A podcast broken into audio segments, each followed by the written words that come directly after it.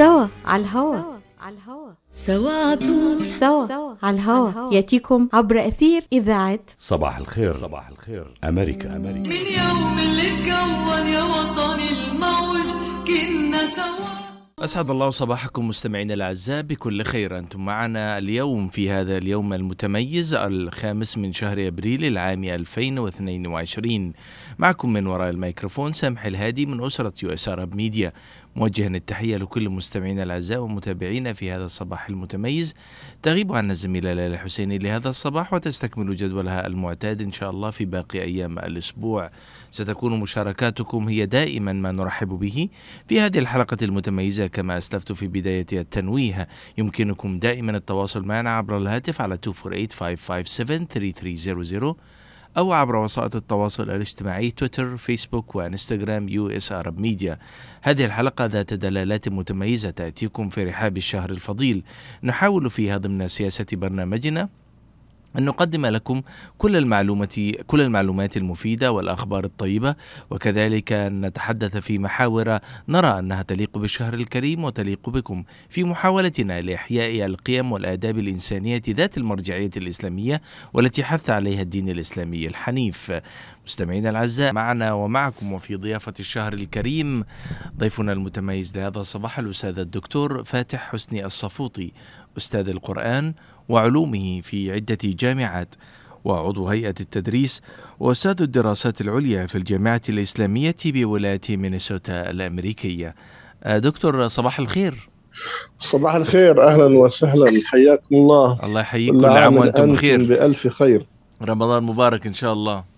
بارك الله فيكم. الله يحفظكم. تمام الله يحييكم. كيف الحال؟ الحمد لله بخير. شكرا جزيلا على هذه الإطلالة المتميزة معنا ومع مستمعينا لهذا الصباح. في شهر رمضان المبارك. آه، دكتور عنوان حلقتنا لهذا الصباح هو يعني ضمن حملة إحياء القيم والآداب الإنسانية ذات المرجعية الإسلامية والتي نرى أنها تتفق مع الشهر الفضيل. فشهر رمضان الكريم كان يعني دائما وابدا هدفا لسمو الإنسان بأخلاقه ولرده إلى قيمه الإنسانية الأصيلة والبسيطة والتي تتفق مع روح وجوهر الإسلام بما دعا إليه من تسامح ودعا إليه من تواصل مع الآخرين. فهل لنا دكتور أن نسلط الضوء معك على هذا يعني الإطار ونطرح مجموعة من المحاور التي نفكر فيها بصوت مرتفع لعل المستمعين يستفيدون ونبدأها بآية الصيام إذ يقول الله سبحانه وتعالى بسم الله الرحمن الرحيم. يا أيها الذين آمنوا كتب عليكم الصيام كما كتب على الذين من قبلكم لعلكم تتقون. ما هو المراد من هذه الآية دكتور إذا استطعت يعني أن تسلط معنا الضوء عليها؟ نعم بسم الله الرحمن الرحيم. الحمد لله وصلى الله وسلم على مولانا رسول الله. حياكم الله أخي الكريم وشكرا لكم. وهذا واجب أخي الكريم العفو يعني تشكرون على واجب الدعوة ونشر الدين. وعدم كتمانه في كل وقت وفي كل حين. ليس في موسم رمضان فقط ولكن رمضان موسم ونفحات نتعرض لها. كما قال النبي صلى الله عليه وسلم إن لربكم في أيام دهركم نفحات ألا فتعرضوا لها. ولأن ربنا عز وجل يحبنا أقول يحبنا أكرمنا بهذا الشهر الكريم. شوف بالظاهر جوع عطش بالظاهر مشقة. لكن الله قال يريد الله بكم اليسر. طب يا ربنا أنت تريد بنا اليسر؟ بنصوم 16 و15 ساعة. نعم لأني أريد بكم اليسر. لما قال ول- ولتكملوا العدة ولتكبروا الله على ما هداكم ولعلكم تشكرون. دائما أخي الحبيب الشكر بيكون مقابل إيه؟ مقابل نعمة. الله بيقول أنا أعطيتكم نعمة عظيمة. هذا الشهر العظيم.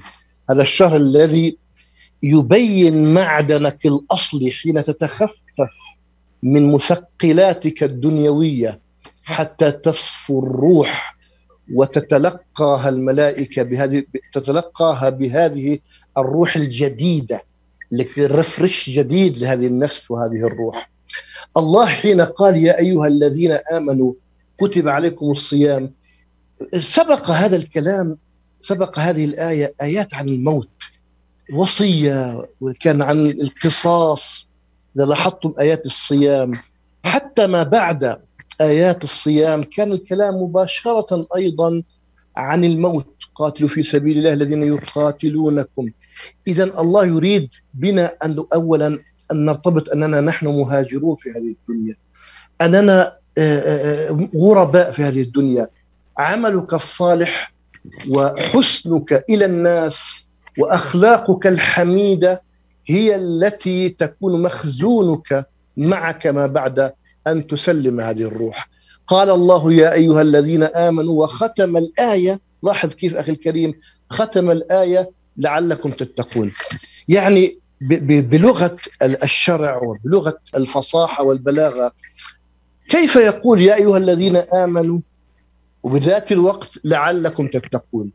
الله لأنه يحبنا ينادينا بأعظم وأحب الأسماء إلينا وهي الإيمان ومع, ومع ذلك يعلن لنا هذا الصيام. يعني الجندي والعسكري أخي الكريم آه، يتلقى الأوامر بانضباط ولا يسأل لماذا أفعل. لأن الله عز وجل يريد أن يرتقي بنا يريد أن يحدد لنا هدفا. اللي بيسموه بلغة التجارة التارجت هذا.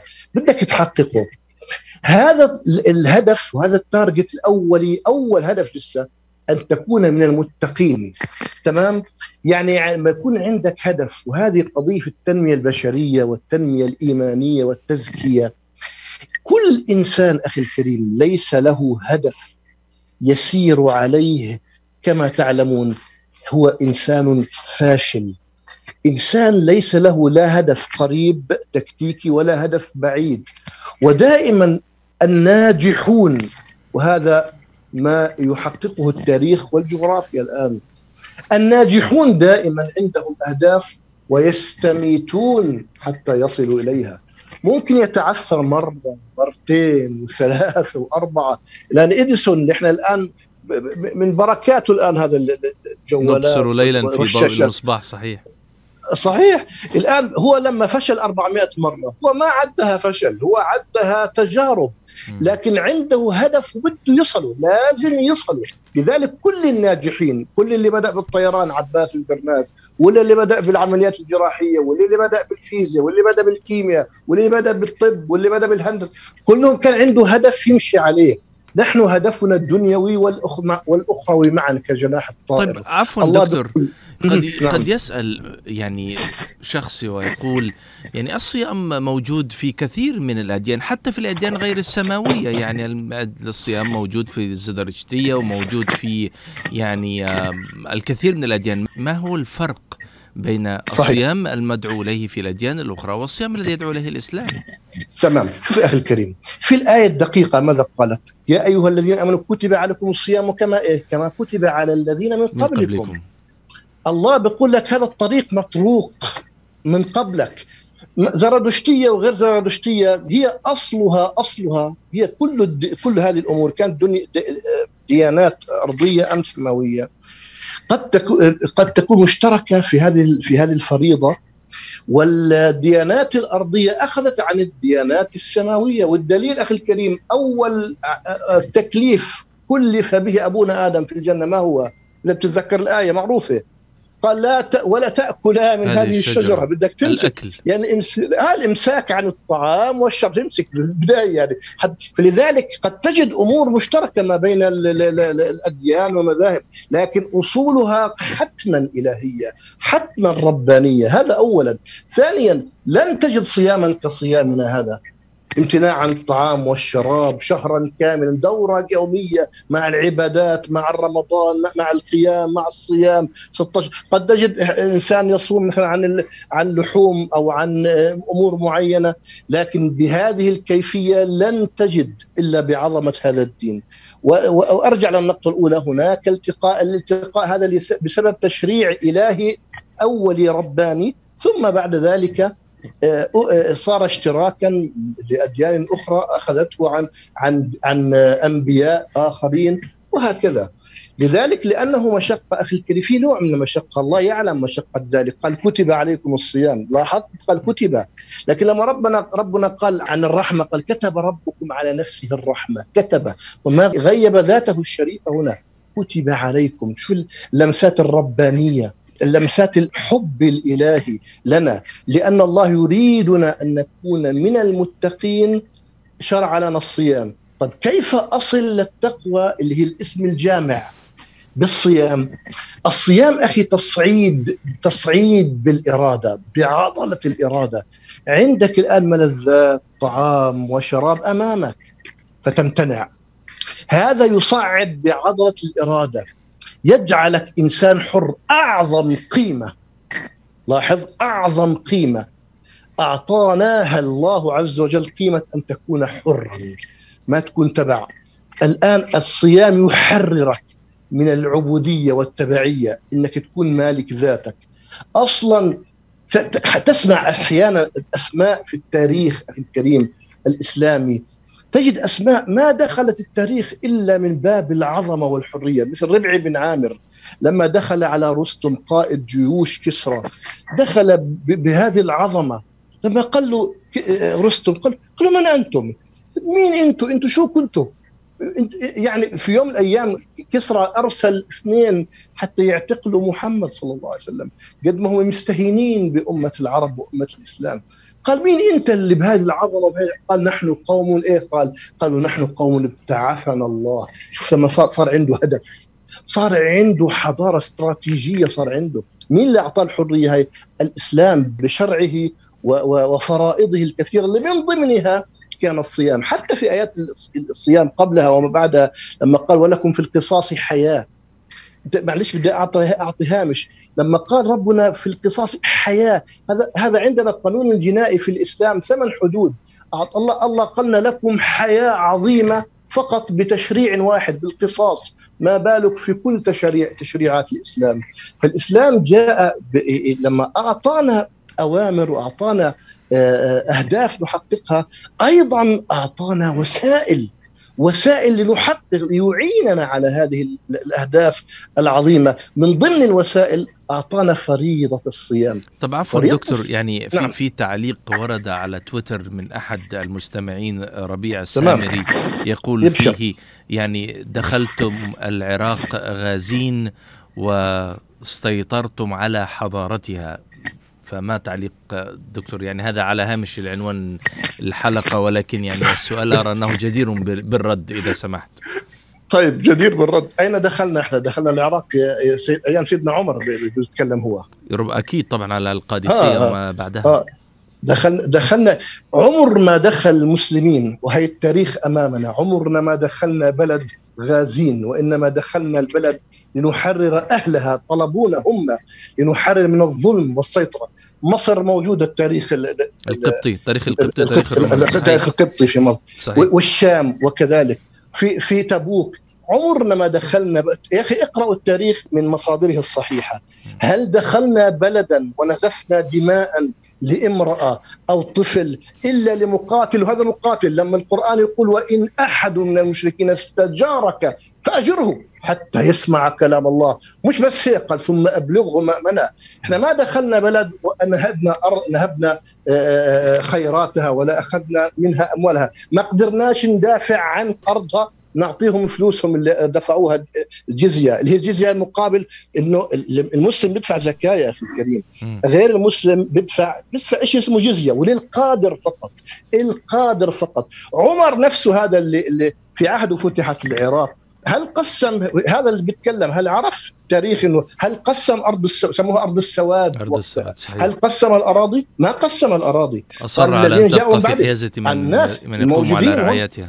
ابدا الناس الموجودين هنا الذين جاءوا من بعدهم يحبون من هاجر إليهم والذين جاءوا بعدهم يقولون ربنا اغفر لنا ولإخواننا الذين سبقونا بالإيمان.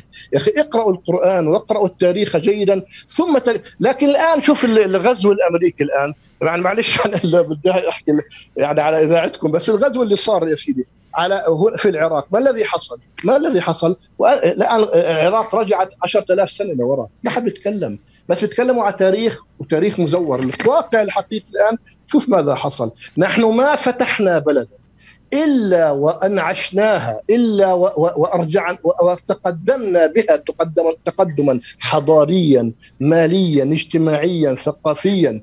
لم نسفك دما لم نسلب ارضا لم نهتك عرضا. صحيح. إذا في إذا في تاريخ عندكم أنتم كتبتموه هذا تاريخ مزور وهو مش موجود أصلا التاريخ. وبين- التاريخ موجود يشهد. صحيح وبين ذلك وهذا يقف دائما يعني آه، الإنسان متطلعا لأهداف نرجو أن يكون الخير فيها غالبا على الشر.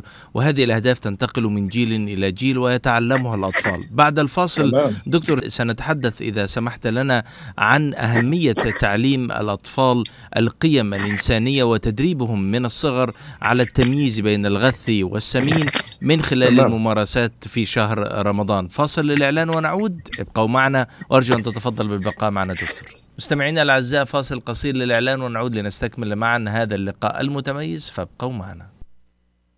بعد تطعيم أكثر من ثلاثة بلايين شخص حول العالم بشكل كامل بلقاح كوفيد 19 تمت الآن الموافقة على تلقيح الأطفال من عمر 5 إلى 11 سنة.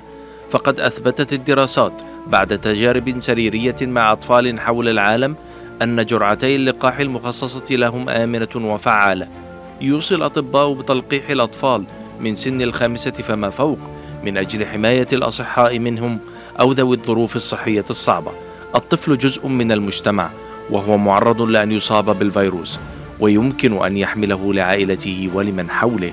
احمي طفلك وعائلتك ومجتمعك. لقح طفلك ليكون بأمان في المدرسة أو مع العائلة والأصدقاء وأثناء ممارسة الرياضة. تحدث لطبيبك واكتشف الحقائق بنفسك أو زر موقع michigan.gov slash kids covid vaccine. رسالة من وزارة الصحة والخدمات الإنسانية في ميشيغان. العطاء قصة رائعة. بدايتها إنسان يهتم ونهايتها إنسان يحتاج. مؤسسة الحياة للإغاثة والتنمية. ومنذ أكثر من 25 عاما تحمل عطاءك إلى من يستحقه ويحتاجه بغض النظر عن الجنس أو العرق أو الدين. فأينما تكون الحاجة تجد الحياة تقدم المساعدة الطبية والملاجئ وبناء المدارس والأوار الارتوازية وبرامج كفالة عوائل اللاجئين والأيتام وغيرها حسب الحاجة. للمساعدة في استمرار هذا الجهد الكبير امنح تبرعك المعفى من الضرائب اليوم إلى منظمة الحياة للإغاثة والتنمية. عبر الموقع www.lifeusa.org أو الاتصال على الرقم المجاني 1-800-827-3543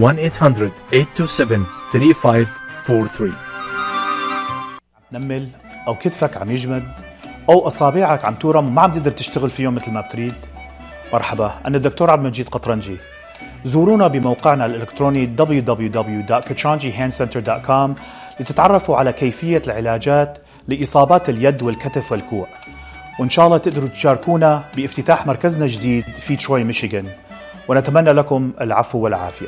للمواعيد زورونا في عيادتنا الواقعة على 1565 في مدينة تروي البناء F أو اتصلوا بنا على الرقم 248-869-4263 That's 248-869-4263 مرحبا بكم مرة أخرى مستمعينا الأعزاء وعودة وفي ضيافتنا وضيافتكم في هذا الصباح المتميز الدكتور فاتح الصفوتي. دكتور مرحبا بك مرة أخرى. كنا سألنا قبل الفاصل كيف يمكن أن نغرس هذه القيم الإسلامية السامية الخاصة بالصيام وبرمضان في نفوس الأطفال فهم الأطفال اليوم ولكنهم الرجال والسيدات في المستقبل صناع الحضارة ويعني المؤثرين والفاعلين في الحياة. كيف ترى ذلك؟ صحيح ونظريا نحن نتكلم بإنشاء وإسهاب في أهمية الأطفال ولكن عند الواقع لن تجد مثالا يحتذى به في تربية الأطفال كرسول الله صلى الله عليه وسلم.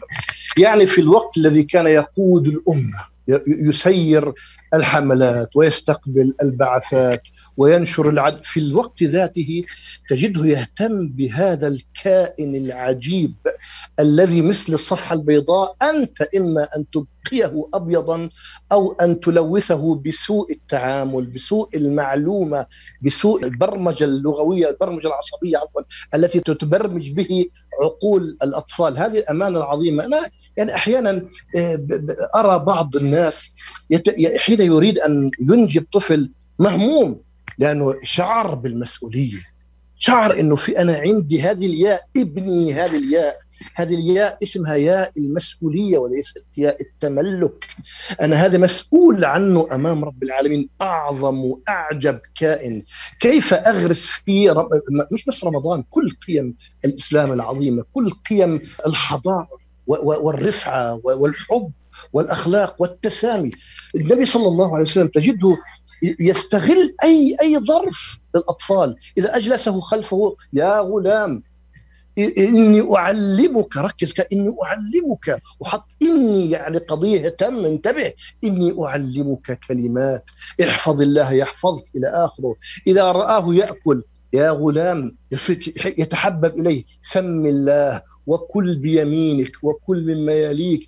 تراه ينزل عن شوف القيم المحبة نشر ال- ال- العاطفة وذكاء الحب. ينزل عن منبره صلى الله عليه وسلم يأخذ الطفل الصغير ويحضر من المنبر. إحنا بنعملهاش إحنا الآن مشايخ وعلماء. إحنا بجوز نبهدل. إيش بتسوي هون وإيش بتعمل هيك؟ طب سبحان الله أنا أذكر مرة في أحد خطب الجمعة قديما آه، جالس بين خطبتين فإذا بأحد أطفالي الصغار الآن كبروا ي- يأتي على المنبر فوق وينهرني ويقول لي فلان ضربني عن أخوه. آه، احتضنت تذكرت رسول الله صلى الله عليه وسلم. يعني كيف إنه النبي الكريم صلى الله عليه وسلم كان يغرس في عقول النشئ هاي ال- ال- الأمور. لذلك حتجدوا إخواني ابن عباس رضي الله عنه لما كان عمره 11 12 سنة تخيل 12 سنة يجلس في مجالس الكبار مجالس مين الكبار؟ اللي هم الراشدين. حتى إنه بعض الصحابة يعني قال يا عمر كان عمر يجيبه يقول له يا عمر يعني هذا طفل صغير كيف تأتي به إلى مجالس الكبار؟ شوف الذكاء من سيدنا عمر اللي اكتسبوه من, من سيدنا النبي صلى الله عليه وسلم، ما هو الطفل هذا لو ضلك بالشارع مش حيتعلم، كان يقتنص سيدنا عمر الأذكياء فيدمجهم مع عالم الكبار. الاحتكاك صحيح. لانهم احتكاك فكان الض... فمثلا لما نزل قوله تعالى إيه إيه إذا جاء نصر الله والفتح ورأيت الناس يدخلون في دين الله أفواجا فسب إلى آخره. لما إيه اشتكى بعض الصحابة من من وجود عبد الله بن عباس عمره 11 سنة تقريبا يعني ما كمل قالوا له كيف تجيبه؟ قالوا ماذا ترون في هذه الآية؟ الآية نزلت في التو قالوا له إذا جاء نصر فسروها تفسير عادي قال ماذا تقول فيها يا ابن عباس؟ شوف شوف أعطاء القيمة ماذا تقول فيها ابن عباس؟ قال هو ابن عباس عمره 10 11 سنة قال ما أراها إلا نعيا للنبي صلى الله عليه وسلم شوف الرؤية الثاقبة للطفل الصغير. ما شو اللي خلى لو هذا الطفل لو أنه في في في لغتنا طفصناه في كل مرة أسكت أنت بتفهمش وشو بدريك؟ وخلي الكبير يحكي. ما وصل إلى هذه المرحلة. معي أنت أخي الكريم؟ صحيح. ومتى وصل لم- لمرحلة إنه يبدي رأيه بهذه ال- ال- ال- الانفتاح ال- الكبير؟ ويتكلم بهذه ال- ال- ال- ال- المنهجية العلمية لأنه من أصلا هو أصلا درب على ذلك. قال هذه الآية نعي للنبي. كيف نعي؟ ما هو قال إذا جاء نصر الله والفتح يا محمد. ورأيت الناس يدخلون في دين الله افواجا. انتهى دورك يا محمد. ما بعد التمام إلا إيه؟ إلا. النقص. متى تبدأ الطلقة بالنزول؟ عند آخر قمة لها في السماء هي تكون بنفس الوقت أول بداية نزولها. فلما قال له يا محمد جاء نصر الله والفتح ودخل الناس في دين الله افواجا فسبح بحمد ربك واستغفره إنه كان توابا. ففهم منها ذلك لذلك بكى سيدنا عمر. بكى لأنه فهم إنه حنفقد النبي صلى الله عليه وسلم. لذلك حتجد أحيانا بعض الصحابة الصغار يكونوا جالسين في مجالس فتصب القهوة أو تصب الضيافة فيستأذن يستأذن من الصغير. شوف احترام الصغير. إيه، تقول ليش الصغير؟ لا. قال شو رأيك؟ قال ابدأ بالكبير. لا. بدي أستأذن الصغير. حتى يأذن الصغير أو لا. يقول لك لا أنا بدي دوري أنا. على اليمين مثلا. فيأخذ حقه. لذ- لذلك أخي الكريم آيات الصيام لها علاقة بال- بالطفولة. كيف؟ بس في طفولة طفولة آه، بشرية صغيرة يعني ك هيومن عادي. وفي ال- ال- الطفولة ورشد الأمم. الأمم ترشد الله يريدنا من من غايات الصيام وأهداف الصيام. تخيل في آيات الصيام قال الله لعلهم يرشدون. الآية رقم أربعة. وإذا سألك عبادي عني فإني قريب أجيب دعوة الداعي إذا دعان فليستجيبوا لي وليؤمنوا بي لعلهم إيه؟ يرشدون. إذا هناك أمة راشدة. تخيل كيف تكون الأمة الراشدة؟ إذا أعطتني مجال بسيط هيك بعد إذنك. تفضل. بس إذا يكون المصحف لو لو المصحف أمام ال- الإخوة الآن اللي امامه مصحف أو يستحضر الآيات أو عند الإعادة يحضر الآيات مع مصحف حيجد كيف النسق والإعجاز القرآني. هذه الآية وإذا سألك عبادي عني كان قبلها آية آية شهر رمضان الذي أنزل فيه القرآن هدى. تكررت كلمة الهدى ثلاث مرات. وأيضا معها بينات ومعها الفرقان. شهر رمضان انزل فيه القرآن هدى للناس وبينات. يعني أنت حتصير عندك بينة. والهدى والفرقان. وقال ولتكملوا العدة ولتكبروا الله على ما هداكم. نفس الآية هاي. ولعلكم تشكرون. قال مباشرة وإذا سألك عبادي ان هم عبادي هذول اللي است... اللي استهدوا بالقرآن اللي كان القرآن لهم هدى لما قال وإذا سألك عبادي عني هذول اللي اهتدوا فإني وقت فانا بقول لك فإني قريب. أجيب دعوة الداعي إذا دعان. طيب فليستجيبوا لي. شو قال بعدها؟ وليؤمنوا. ما قالش فليؤمنوا وليستجيبوا. في العاده الواحد بيؤمن بالشيء ثم يستجيب له. الله بيقول لك استجب لي وخلي ثقتك فيه. فليستجيبوا لي وليؤمنوا بي. شو النتيجة؟ قال لعلهم يرشدون. حيصيروا أمة راشدة. إيش يعني أمة راشدة؟ إحنا الآن العالم الثالث. العالم العربي. العالم الإسلامي للأسف. عالم ثالث. صحيح. في يوم من الأيام بفضل الله لما كنا نهتدي بهذا القرآن كنا عالم أول. وما كنا نميز ناس عالم ثاني وعالم ثالث وعالم رابع. والتاريخ يشهد يعني. طيب إحنا ليش عالم ثالث؟ طبعا لأنه إحنا فيش رابع هم حاطين عالم ثالث لأنه العالم الثاني متفائل يا 30. دكتور متفائل يا. دكتور هم حاطينها عالم الثالث وحتى مش حاطين عالم ثاني هم العالم الأول وإحنا الثاني لاحظ في مجلس الأمم 56 ربطة عربية وإسلامية هل لنا قيمة؟ ملناش قيمة لأننا لا يعدوننا أمة راشدة إحنا أم شو عكس الرشد؟ السفاهة مثل الطفل الصغير الطفل الصغير نحن الآن بغير هدى القرآن بال- أتكلم الهدى بشكل العام بالنظام عام. يعني القرآن في البداية قال اهدنا الصراط المستقيم الفاتحة. وبالبقرة بدايتها ذلك الكتاب لا ريب فيه إيه؟ هدى. إحنا اختصرنا هدى القرآن. يعني زي واحد عنده امتحان 100 نقطة راح جاوب على نقطتين ثلاث وإحنا اختصرنا القرآن نصلي ونزكي ونحج وحج معناش وزكاة معناش وصيام كل شهر مرة وصيام وصلي وخلص نقر وانت- انتهى. القرآن منهاج حياة. الله بيقول لك استجيبوا لي. ولتؤمنوا بي. فليستجيبوا لي وليؤمنوا بي. أنا أضمن لهم أن يكونوا راشدين لاحقا لعلهم. بدايات الآيات لعلكم تتقون لعلكم هي الأهداف ال target لعلكم تتقون لعلكم تشكرون قال لعلهم. صارت أمة راشدة. طيب كيف الصيام بيعطينا أمة نكون أمة راشدة؟ إحنا الآن زي ما حكيت لك أرجع 56 ربطه في مجلس الأمم ليس لنا قيمة. ليش؟ لأنه إحنا لسنا راشدين بنظرهم. بنظرهم هم متخلفة بيعتبرونا مش راشدة. أما هم القرار الفيتو ما فيتو اللي بده إياه بصير لأنه هم المسؤولين عنه. زي ما أنت في هم الأكثر رشدا والأكثر علما. آه ال- أنا أذكر والله أذكر في أنت إذا إذا بتاع إذا عشت في الأردن أو جلدت اللواء عندنا في الأردن أذكرها إلى الآن قبل 20 25 أو 30 سنة قال كتبوا بنت العريض ألمانيا بلغت سن الرشد إلى الآن في ذهني ما غابت بلغت سن الرشد يعني صارت دخلت عالم مين؟ دخلت عالم الكبار شوف ابن عباس كيف دخل عالم الكبار بالأفكار دخل عالم الكبار لما حكيت لك عن قصته قبل شوي. هو ما الذي أهله لدخول عالم الكبار؟ عالم الأفكار، إحنا للأسف الآن أطفالنا كيف يدخلون عالم الكبار؟ بصير يدخن سيجارة. يعني شغلات تافهة. إنه أنا موجود هيني أنا موجود بدي ادخن سيجارة في الشكل. أنا هي آه بالشكل بال- بالمنظر وفتحة الصدر وأنا بحب وأنا بدب وأنا كيف لا يا أخي دخول ع... وكذلك الأمم عالم الكبار الله بيقول لي من خلال الصيام من خلال القرآن تصبحون أمة راشدة ممكن تسألني الآن أنت أنا متأكد حتسألني طب كيف شو علاقة الصيام بالرشد والأمة الراشدة؟ هذا هو فعلا سؤالي آه، كيف أنا عارف كيف سيكون علاقة العلاقة ولكن أحسنت. اسمح لي أن نسمع الإجابة على هذا السؤال دكتور بعد فاصل آخر أبشر للإعلان وأرجو أن تبقوا معنا حديث ذو أبشر. شجون وشيق يعني يتفرع بنا إلى مسارات ولكنه في الآخر يصب في نفس طريقنا وهدفنا لهذا ال- البرنامج ولهذه الحلقة. ابقوا معنا مستمعينا الأعزاء فاصل ونعود. مركز طب رهاب للعلاج الطبيعي بإدارة الدكتور محمد فرح حسين. أخصائي العلاج الطبيعي بخبرة أكثر من 13 عاما. طب رهاب يقدم خدمات العلاج الطبيعي وإعادة التأهيل ويضم مجموعة من أفضل أخصائي التشخيص الدقيق للحالات المرضية مع خبرة عالية في التعامل مع الحالات التي تحتاج إلى إعادة تأهيل وعناية خاصة بعد العمليات والكسور.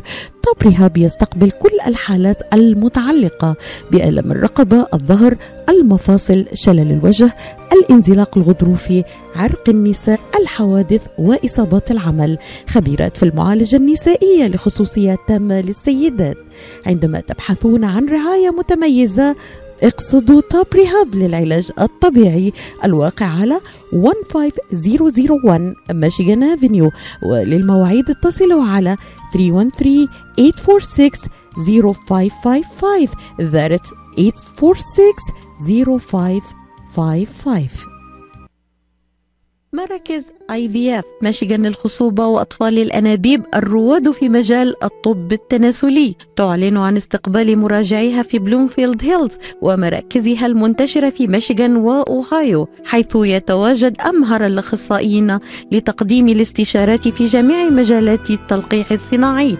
يعتبر الدكتور نيكولاس شاما أحد أهم الأخصائيين في الغدد الصماء التناسلية في ولايتي ميشيغان وأوهايو حيث أجرى أكثر من عشرة آلاف عملية طفل أنبوب وساعد الآلاف من الأزواج على تحقيق حلم الأبوة. يحمل الدكتور شمة شهادة البورد الأمريكي في كل من أمراض النساء والتوليد أمراض الغدد الصماء التناسلية والعقم. رعاية طبية ممتازة وتفهم عميق للأثر العاطفي والنفسي لحالة العقم. للاستفسار اتصلوا على 248 952 9600 248 952 9600 يوسف الحسن شايفك لازم جاي حالك عن إلي ساعة عم بستناك. مشان نروح نتغدى بالشام. الشام إيه بالشام ومو بالشام. شلون صارت هي؟ بدل ما نروح نتغدى بالشام. إيه. جابوا لنا الأكلات الشامية الطيبة لعنا لهم وشلون بقى؟ هذا مطعم دماس عم يعمل كل الأكلات الشامية الطيبة هو وطيبة؟ طيبة كتير شرفوا نتغدى سوا بمطعم دمار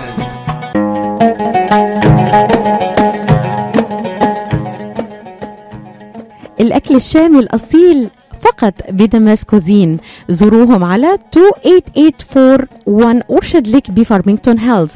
ولطلباتكم اتصلوا على 248 987 4609 That's 248 4609 Damas Cuisine and Catering جبنا لكم الشام لعندكم. عودة مرة أخرى مستمعينا الأعزاء مرحبا بكم. دكتور كنا توقفنا عن ما هي العلاقة. يعني إذا أردت أن تستكمل الحديث كان سؤالا شيقا. تفضل. نعم صحيح. كان الكلام عن الله أراد من خلال آيات الصيام الأهداف التي أرادها الرشد أن نكون أمة راشدة. كانت بداية الأهداف لعلكم تتقون ثم كانت لعلكم تشكرون. ثم جاءت الآية الرابعة لعلهم يرشدون. أولا لما قال لعلهم ما قالش لعلكم مثل هناك. ليش؟ صار يتكلم عنهم بصيغة الغائب. هذه الأمة صار يتحدث عنها أمة منتشرة في العالم خيرها يعم. خيرها أقول يعم العالم. وما ذهبنا عطفا على السؤال اللي سأله الأخ الأخ ما ذهبنا إلى مكان إلا لنعمم الخير فيه. فهو قال لعلهم يرشدون. صارت أمة راشدة من خلال الصيام من خلال القرآن. إحنا بدنا نصل لعلهم يرشدون من خلال الآيات اللي قبلها يا أخي الكريم. لما قال هدى القرآن هدى اهتدي بالقرآن. ما هي الأمة الراشدة بنظرك؟ بتعريف أي أحد الأمة الراشدة التي يكون عقلها منها يكون أكلها منها لباسها سلاحها حمايتها. حتى الله من خلال آيات القرآن التي أرانا أن نهتدي بها بداية آيات القرآن اقرأ. اقرأ. ما قالش فكر. ما قالش فكر لأنه لو أفكر بإيش؟ ال- لو قال فكر ابدأ بالتفكير. تفكير بعدين. اقرأ ثم يكون عندك داتا فكر بها يتفكرون ثم نرتقي. لذلك أمة أمة الرشد هي الأمة التي بلغت بلغت آه، مكانة لا تحتاج إلى أحد بل هي التي توجه. القرآن من البداية أعطاني هذه التوجيهات. من ضمن التوجيهات الصيام. كيف؟ الصيام أخي الكريم أنا لما أنا يع- يعلمني القرآن إرادة أو آه، تصعيد بالإرادة. أنا الآن بدوش اياني القران ما لا يريد مني أن أكون أمة مستهلكة.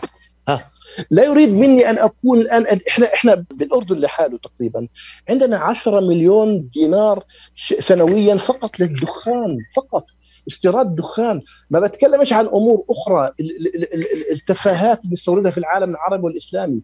نحن مخنوقون في ومربوطون بغيرنا. كيف سنبلغ سن الرشد؟ ونحن ليس عندنا فلسفة الصيام وهي فلسفة الاستغناء. فلسفة الاستغناء أن نكون أمة مستغنية. الطفل الصغير هسه لما يجي عند آه، عنده ضيوف تلاقيه بمد إيده هون وهون. الطفل مش راشد هذا. لكن الر- الراشد مثلا بيمسك حاله ما بيمد إيده هون وهون ولا عينه هون وهون. ليه؟ مست- مستغني بده يكون راشد بيتصرف بالرشد. مش مش مستعد أذل نفسي أنا عشان أطلب كذا وكذا وأخذ كذا. نحن أكلنا وشربنا حتى المسبح اللي نسبح فيها ربنا حتى السجاده اللي نس- نسجد فيها لربنا حتى القوس اللي بنحطه فوق هلال كله مستورد مستورد مستورد. نحن أمة مستهلك مستهلكة. فكي الان الخبز المكتوب عليه made in in Europe ولا مودي made made مكتوب عليه بالضبط لكن كأنه مكتوب عليه. نحن لا نملك من قوتنا شيئا. لذلك كيف سنكون أمة راشدة؟ آيات الصيام والصيام مع جملة التشريعات كاملة تجعلنا أمة راشدة مستغنية. لاحظ في شعب أبي طالب. قال ما شبعنا الصحابة في ش... لما تتذكروا الشعب أبي طالب لما تحملوا ثلاث سنين هم يتحملوا العناء في سبيل في سبيل انتصار الدعوة في خيبر سنه سنة سبعة سنة خيبر سنة سبعة مع غزوة خيبر سبعة وقول 13 في في في مكة يعني يعني بعد 20 سنة شو قال الصحابة؟ قال ما شبعنا التمر إلا في خيبر في وقت خيبر. ليش؟ تحملوا الشر لأنه عنده أهداف عليا. لما يكون مرتبط بأهداف عليا بهموش إنه إيه اللي بصير معاه. أعطيك مثال هسه. الآن إحنا تحملني في المثال إن شاء الله بوضح أكثر. يعني الآن انت أنت آه، أجاك خبر أو أنا أجاني خبر آه، أو أنت واحد فينا مثلا. أجاك آه، خمسة مليون ورثة. إيش رأيك في الخبر هذا؟ لا زي الفل. جميل جدا. آه تمام. بس قالوا لك إنه الخمسة المليون حيجوا بس بعد سنة. بعد سنة. الآن طول السنة هاي وإنت آه، م- مهما جاءتك مصيبة تتحملها ولا لأ؟ طبعا. في قالوا حافز لك ف- فاتورة الكهرباء طلعت ألف دولار. مش مشكلة تداين يا ولد حيجيني خمسة مليون. آه، البيت حيهيل عليك. مش مشكلة. أي مصايب. المهم إنك مرتبط في عندك هدف بعد سنة إيش؟ حيصير عندك خمسة مليون. وكذلك لما يكون عندنا هدف في الأمة تكون عندها هدف آه، مربوطة بتارجت وهدف رشد بده يتحمل الشرف بس بشرط في عندي هنا قضية بشرط الكل يتحمل. لأنه الآن بسمع بعض ال- القنوات الإعلامية العربية يدعون الناس إلى إلى التحمل والشرف وتتحملوا الوضع بتا...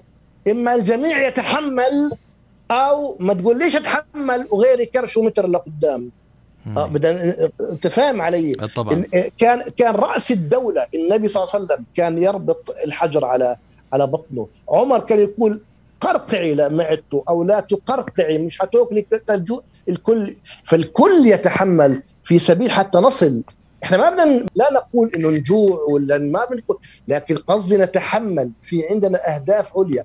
لما الأمة والأطفال والشياب والجميع يكون عنده هدف مرتبط بهدف عظيم عالي يهون عنده أي مشقة بالتالي عنده الهدف العظيم بس يبلغ وقت هذا لعل بذور الرشد تنبت عنده ويصير تصير أمة راشدة من خلال هذه تشريع الصيام وغيره من الفرائض طيب دكتور يعني. آه، هل هناك علاقة بين موقع هذه الآيات مثلا في سورة البقرة؟ هل هناك ربما سبب أو حكمة لاختيار موقع سورة البقرة؟ ولماذا سورة البقرة لتكون آيات الصيام فيها؟ عفوا. أحسنت أحسنت أحسنت. أخي سورة البقرة سورة سورة سورة تكوين الأمة من جديد. أصلا هي أمة الإسلام جاءت لتكون بديلة عن أمة بني إسرائيل.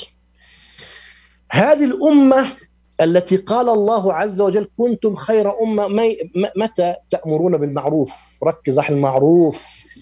أي واحد يأمر بالمنكر هذا ليس من أمة الإسلام وإن زعم ذلك. الشاهد أخي سورة البقرة جاءت لتو... ل... أم... بسموها سورة الخ- الاستخلاف. يعني أمة جديدة جاءت. فلذلك من ضمن الويندوز الجديد لهذه الأمة من ضمن السيستم الجديد كان الصيام. ملحمة رمضان. بده يكون رمضان إنت نزلت التطبيق صح حتى فعلا إنك تستقبل رمضان صح؟ السؤال التقليدي دائما كيف نستقبل رمضان؟ تستقبل رمضان لما تكون تعرف أنت قيمة رمضان وعظمة رمضان. سورة البقرة جاءت تحدثنا وحدثتنا عن أمة سبقت. هذه الأمة ربنا في القرآن فتح ملفاتها. إذا قرأتم سورة البقرة ما- كل شوي كل صفحتين ثلاث يفتح ملف. وإذ قلتم يا موسى وإذ قال ربك وإذ قلتم وإذ قال وإذ وإذ وإذ قال ربك وإذ وإذ قلتم يا موسى لن نصبر على طعام واحد. وإذ قال موسى لقومه إن الله يأمركم أن تذبحوا بقرة. وإذ ملفات قديمة فتحت ملفات سيئة كانت. ثم جاءت الأمة الله يحذرنا أن نكون مثلهم ثم يع- يعطينا سيستما جديدا. بس كيف سيستما هذه نولنا ال English يعطينا سيستما جديدا برنامجا جديدا لإحداثه في في عقولنا من فكان من ضمنه الصيام وكان من ضمنه آيات رمضان حتى تحدث ملحمة فكرية وعقلية في آن واحد. أيضا أخي الكريم آيات الصيام هذه جاءت احتفاء واحتفالا بالقرآن. كيف؟ أصلا كل هذا الشهر، كل هذا الصيام، كل هذه بين قوسين هذا الاحتفاء هذا كله من أجل رمضان، قال شهر رمضان الذي أنزل فيه القرآن، اذا حتى يعطي أهمية للقرآن أي قرآن؟ القرآن اللي جاء في سورة البقرة جاء يحتفي بالأمة الجديدة، البرنامج الجديد، السيستم الجديد للأمة الجديدة. جاء ربنا عز وجل ما جعله في أيام عادية بل جعل في مناسبة نزوله الصيام 16 15 ساعة وقيام وقراءة شهر رمضان الذي أنزل فيه القرآن طيب عفوا أيوه عفوا نعم. دكتور يعني قد تفضل. قد يقول يعني سائل أليس في هذا التوصيف وهذا التصور القرآني يعني نظرة استعلائية على باقي الأمم خصوصا أن بني أبداً. إسرائيل هم هم أمة أنبياء وأمة سبقت في تشريعه في الديانة اليهودية. أسمع منك الإجابة بعد هذا الفاصل الأخير في حلقتنا المتميزة لهذا الصباح. فلطفا دكتور ابقوا معنا وابقوا معنا. مستمعينا الأعزاء. فاصل ونعود. مرحبا سعيد. أهلا علا. ليش هالمقابلة الفاترة هي؟ بيقول المثل لاقيني ولا تغديني. يمه زعلتي. شنو رأيك إذا لقيتك وأيضا غديتك بأحسن مطاعم ميشيغان مطعم اشتار والله فكرة. أفضل الأطباق والمقبلات العربية والعراقية وأحلى ملقا ولا تنسين اللحوم الطازجة مباشرة من ملحمة عشتار لزباين عشتار. وملحمة عشتار توفر اختيارات متنوعة من كافة أنواع اللحوم وبأسعار متميزة وجودة أيضا مميزة. ملحمة عشتار تقع على 36865 Ryan Road في مدينة ستيرلينغ هايت وأكيد أحلى لمة وأطيب لقمة في مطعم عشتار اللي عنوانه 3625 Mile Road في مدينة ستيرلينغ هايتس هاتف 586-698-2585 586-698-2585 يلا علا. يلا عشتار للجودة وكرم الضيافة عنوان. مطعم عشتار. إيه على مر السنين بنفتخر بالجودة العالية لمنتجاتنا. دانو جبنة عربية مية بالمية. كنافة شهية على أصول ولبنة. ولا أطيب من هيك. من خيرات الطبيعة دانا منتجات فاخرة جودة ومذاق. دانا للأصالة عنوان. يلا سوا يا حبي نسهر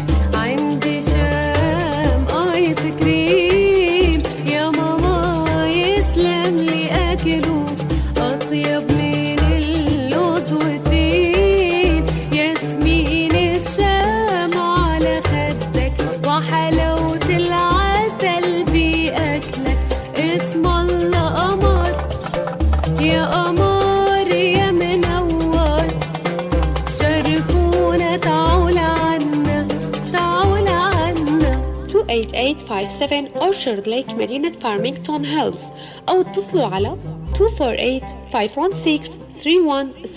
248-516-3130 مرحبا بكم مرة أخرى مستمعينا الأعزاء. كنا سألنا قبل الفاصل دكتور يعني ألا يعني يعكس هذا التصور نظرة استعلائية على باقي الأمم وخصوصا أن بني إسرائيل أمة ذات يعني أنبياء وتشريعات والديانة اليهودية تسبق الديانة الإسلامية بآلاف السنين. كلام في غاية الروعه أخي الكريم إذا لاحظت آيات آيات الصيام يا أيها الذين آمنوا كتب عليكم الصيام كما إيه كما, كما كتب على كتب على الذين من الذين- قبلكم أيوه أين الاستعلاء؟ أنتم أمة متبعة لهم، أنتم أنتم حلقة في سلسلة. حين يتكلم القرآن عن هؤلاء لا لا لا, لا, لا يستثنينا من العقاب. يعني هو يتكلم عن أمة أو عن أشخاص أو عن بشر حادوا عن المنهج ثم يحذرنا. تخيل. الله بيقول في سورة النساء ليس بأمانيكم. بدأ فينا ترى. شوف التحذير. آية بتخوف آية مرعبة. بيقول لا تدخل لا تفكر إنك أنت يعني أنت اسمك مسلم معناته إنك ناجي إن لم تعمل. بما حذرتك من مما فعله غيرك. قال ليس بأمانيكم ولا أماني أهل الكتاب. شوف القاعدة. من يعمل سوءا يجز به ولا يجد له من دون الله وليا ولا نصيرا. قضية ليست إنه لعيونكم السوداء أنتم لأنه أنتم مثلا كذا آخرنا لا القضية الذي يعمل ومن يعمل سوءا يجزى به. نحن أمة متبعة يا أخي. نحن عندنا أن نحن من أنصفنا الأنبياء جميعا. بالله عليك من أنصف مريم عليها السلام؟ القرآن جعل لها سورة برأها من الزنا. برأها من من مجرد أن شبهة الزنا كمان.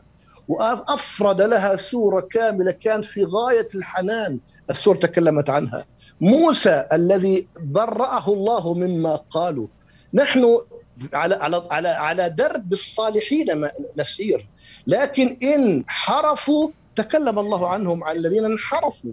وإذا انحرفنا الله بيقول دير بالك أنتم قد تكونون مثلهم والقاعدة تشملكم كما تشمل الجميع. فليست استعلاء ابدا ابدا يا أخي الكريم. ضرورة أن تتمثل يعني مبادئ شهر رمضان وآليات الصيام ومعانيه السامية في سلوكياتنا. كيف يمكن أن نعكس ذلك من مجرد النص إلى مجرد التطبيق دون أن نحصر أنفسنا ونكون مغالين أو أن نترك الأمر ونكون مفرطين؟ جميل يا أخي. هذا هذا بدنا إياه أصلا. هذا الذي نريده على مستوى الفرد وعلى مستوى الأسرة على مستوى المجتمع أن يرى الناس منا أحسن ما أعطانا الله عز وجل. يعني للأسف بعض الناس في رمضان الأبناء يستعيذون بالله من خلق أبيهم. يعني يعطي انطباعا سيئا عن رمضان الاهل كذلك. بالعكس يا أخي الكريم أيها الأب أيها الزوج أيها الزوجة أخرجوا أحسن ما عندكم في رمضان. وتربوا على ذلك. دائما القرآن بيقول ليجزيهم الله إيش؟ أحسن ما عملوا. قد يكون هذا آخر رمضان في حياتك. الله سيعاملك على آخر رمضان بإذن الله. يعني ما حيحاسبك على رمضان مثلا أسأت فيه. إن أحسنت في هذا الرمضان. لذلك في بيتك إخواني حاول إنه ما يكون رمضان تأثيره سلبي لأنه حيربط الرابط العجيب هذا ما بين أخلاقك السيئة ورمضان ليه؟ ليش إني أعطي صورة سيئة عن رمضان من خلال أخلاقي؟ قضية قضية إني أنا أمسك نفسي ما مثل ما أمسكت عن الطعام والشراب أيضا النبي كم قال ليس من لم يدع قول الزور والعمل به لاحظ شو معنى قول الزور؟ الزور يا إخواني هو الانحراف ليس الزور هي شهاده المحكمة هي سميت شهادة المحكمة شهادة زور إيه، لعظمها لكن كل شيء منحرف كان إيه؟ كان زورا. قال من لم يدع قول الزور والعمل به فليس لله حاجة في أن يدع طعامه وشرابه. شوف العظمة وال- والتعميم الخلقي إنه يجعل أخلاقك أيضا تصوم. بدها بدها إيش بدها؟ بدها مجاهدة. أنا أعلم أحيانا تستفز كذا بدها مجاهدة بدها تدريب بدها ميراث بدها ميران. شوف النبي صلى الله عليه وسلم في رمضان كان زيادة عن اللزوم يعني. كيف مثلا؟ الحديث الذي تعرفونه كان رسول الله صلى الله عليه وسلم أجود الناس. ماشي. وكان في رمضان إيه؟ أجود الناس وكان أجود الناس في رمضان. وكان كالريح المرسلة. يعني كان قبل رمضان طيارة. بعد رمضان ماذا كان؟ صار صار مثل صاروخ مثلا. يعني رمضان زادت أخلاقه الحسنة أخلاقه مثل الإنفاق مثلا. أنا قضية الإنفاق هذه أعلى درجات ال- ال- الأخلاق. أي حتى في سورة المنافقون أقول سورة المنافقون على الحكاية طبعا حتى ما يستدرك علي سورة المنافقين. سورة المنافقون ذكرت الإنفاق خلق الإنفاق كأن الإنفاق براءة من النفاق. يعني سورة المنافقون كلها 11 آية. الله يختم آيات ال- ال- المنافقون يختمها بالصدقة ي- ي- تمني الميت أن يرجع إلى الدنيا ليه؟ قال فأرجع قد يرجع قال- فأصدق ما طلب لا يروح حج ولا يروح على عمرة ولا إنه يبني مسجد قال فأصدق عارف ليش الصدق؟ لأنها خلق عظيم محبة الآخرين الصدقة أنا عارف قد تجد ببعض لذلك بعض الأديان الأخرى عندهم التصدق هذا لأنه الله يعلم ما هي سعادتك. إنك الله يعلم أين تكمن سعادتك. قال بالإنفاق محبه الناس محبة الآخرين. لذلك كانت ايات آيات رمضان وآيات الصيام فعلا ملحمة وثورة فكرية ما إذا أنا ما تغيرتش في رمضان متى حتغير؟ إذا ما هذه المواسم ما غيرت أخلاقي؟ أنا بدي أمسك كلامي. أنا عندي مثلا الفاظ سيئة عندي غيبة ونميمة. انت أنت يا أخي الكريم أيها المغتاب هذه الخلق السيء هذا الغيبة هاي. كي- كيف ترضى أن تشتت وتضيع حسناتك على الآخرين؟ أحدهم كان يقول لو بدي أغتاب لو أريد أن أغتاب. كان اغتبت أبوي وأمي هم أولى بالحسنات آه، من غيري. والنبي صلى الله عليه وسلم قال كلاما عظيما قال إن من أربى الربا. لاحظ الحديث اللي بخوف أخي الكريم. قال إن من أربى الربا استطالة المرء في عرض أخيه. شوف الربا قديش عندنا في الإسلام وعند الم... يعني الواحد بيقشعر بدنا من الربا. ال- النبي بيقول أربى الربا. أعلى در... استطالة المرء في عرض أخيه. ما معنى استطالة المرء في العرض اللي هو السمعة. مش العرض فقط ال- ال- النساء والكلام عن أي يعني واحد- يتكلم عن واحد إنه غشاش وبغيابه واحد يتكلم عن واحد إنه مثلا كذا كذا. يعني سمعته. فقال النبي اربى الربا أنت شو جابرك إنك تأذي نفسك؟ النبي صلى الله عليه وسلم تكلم عن الذين يعملون يعني ال- ال- الإحن بين الناس.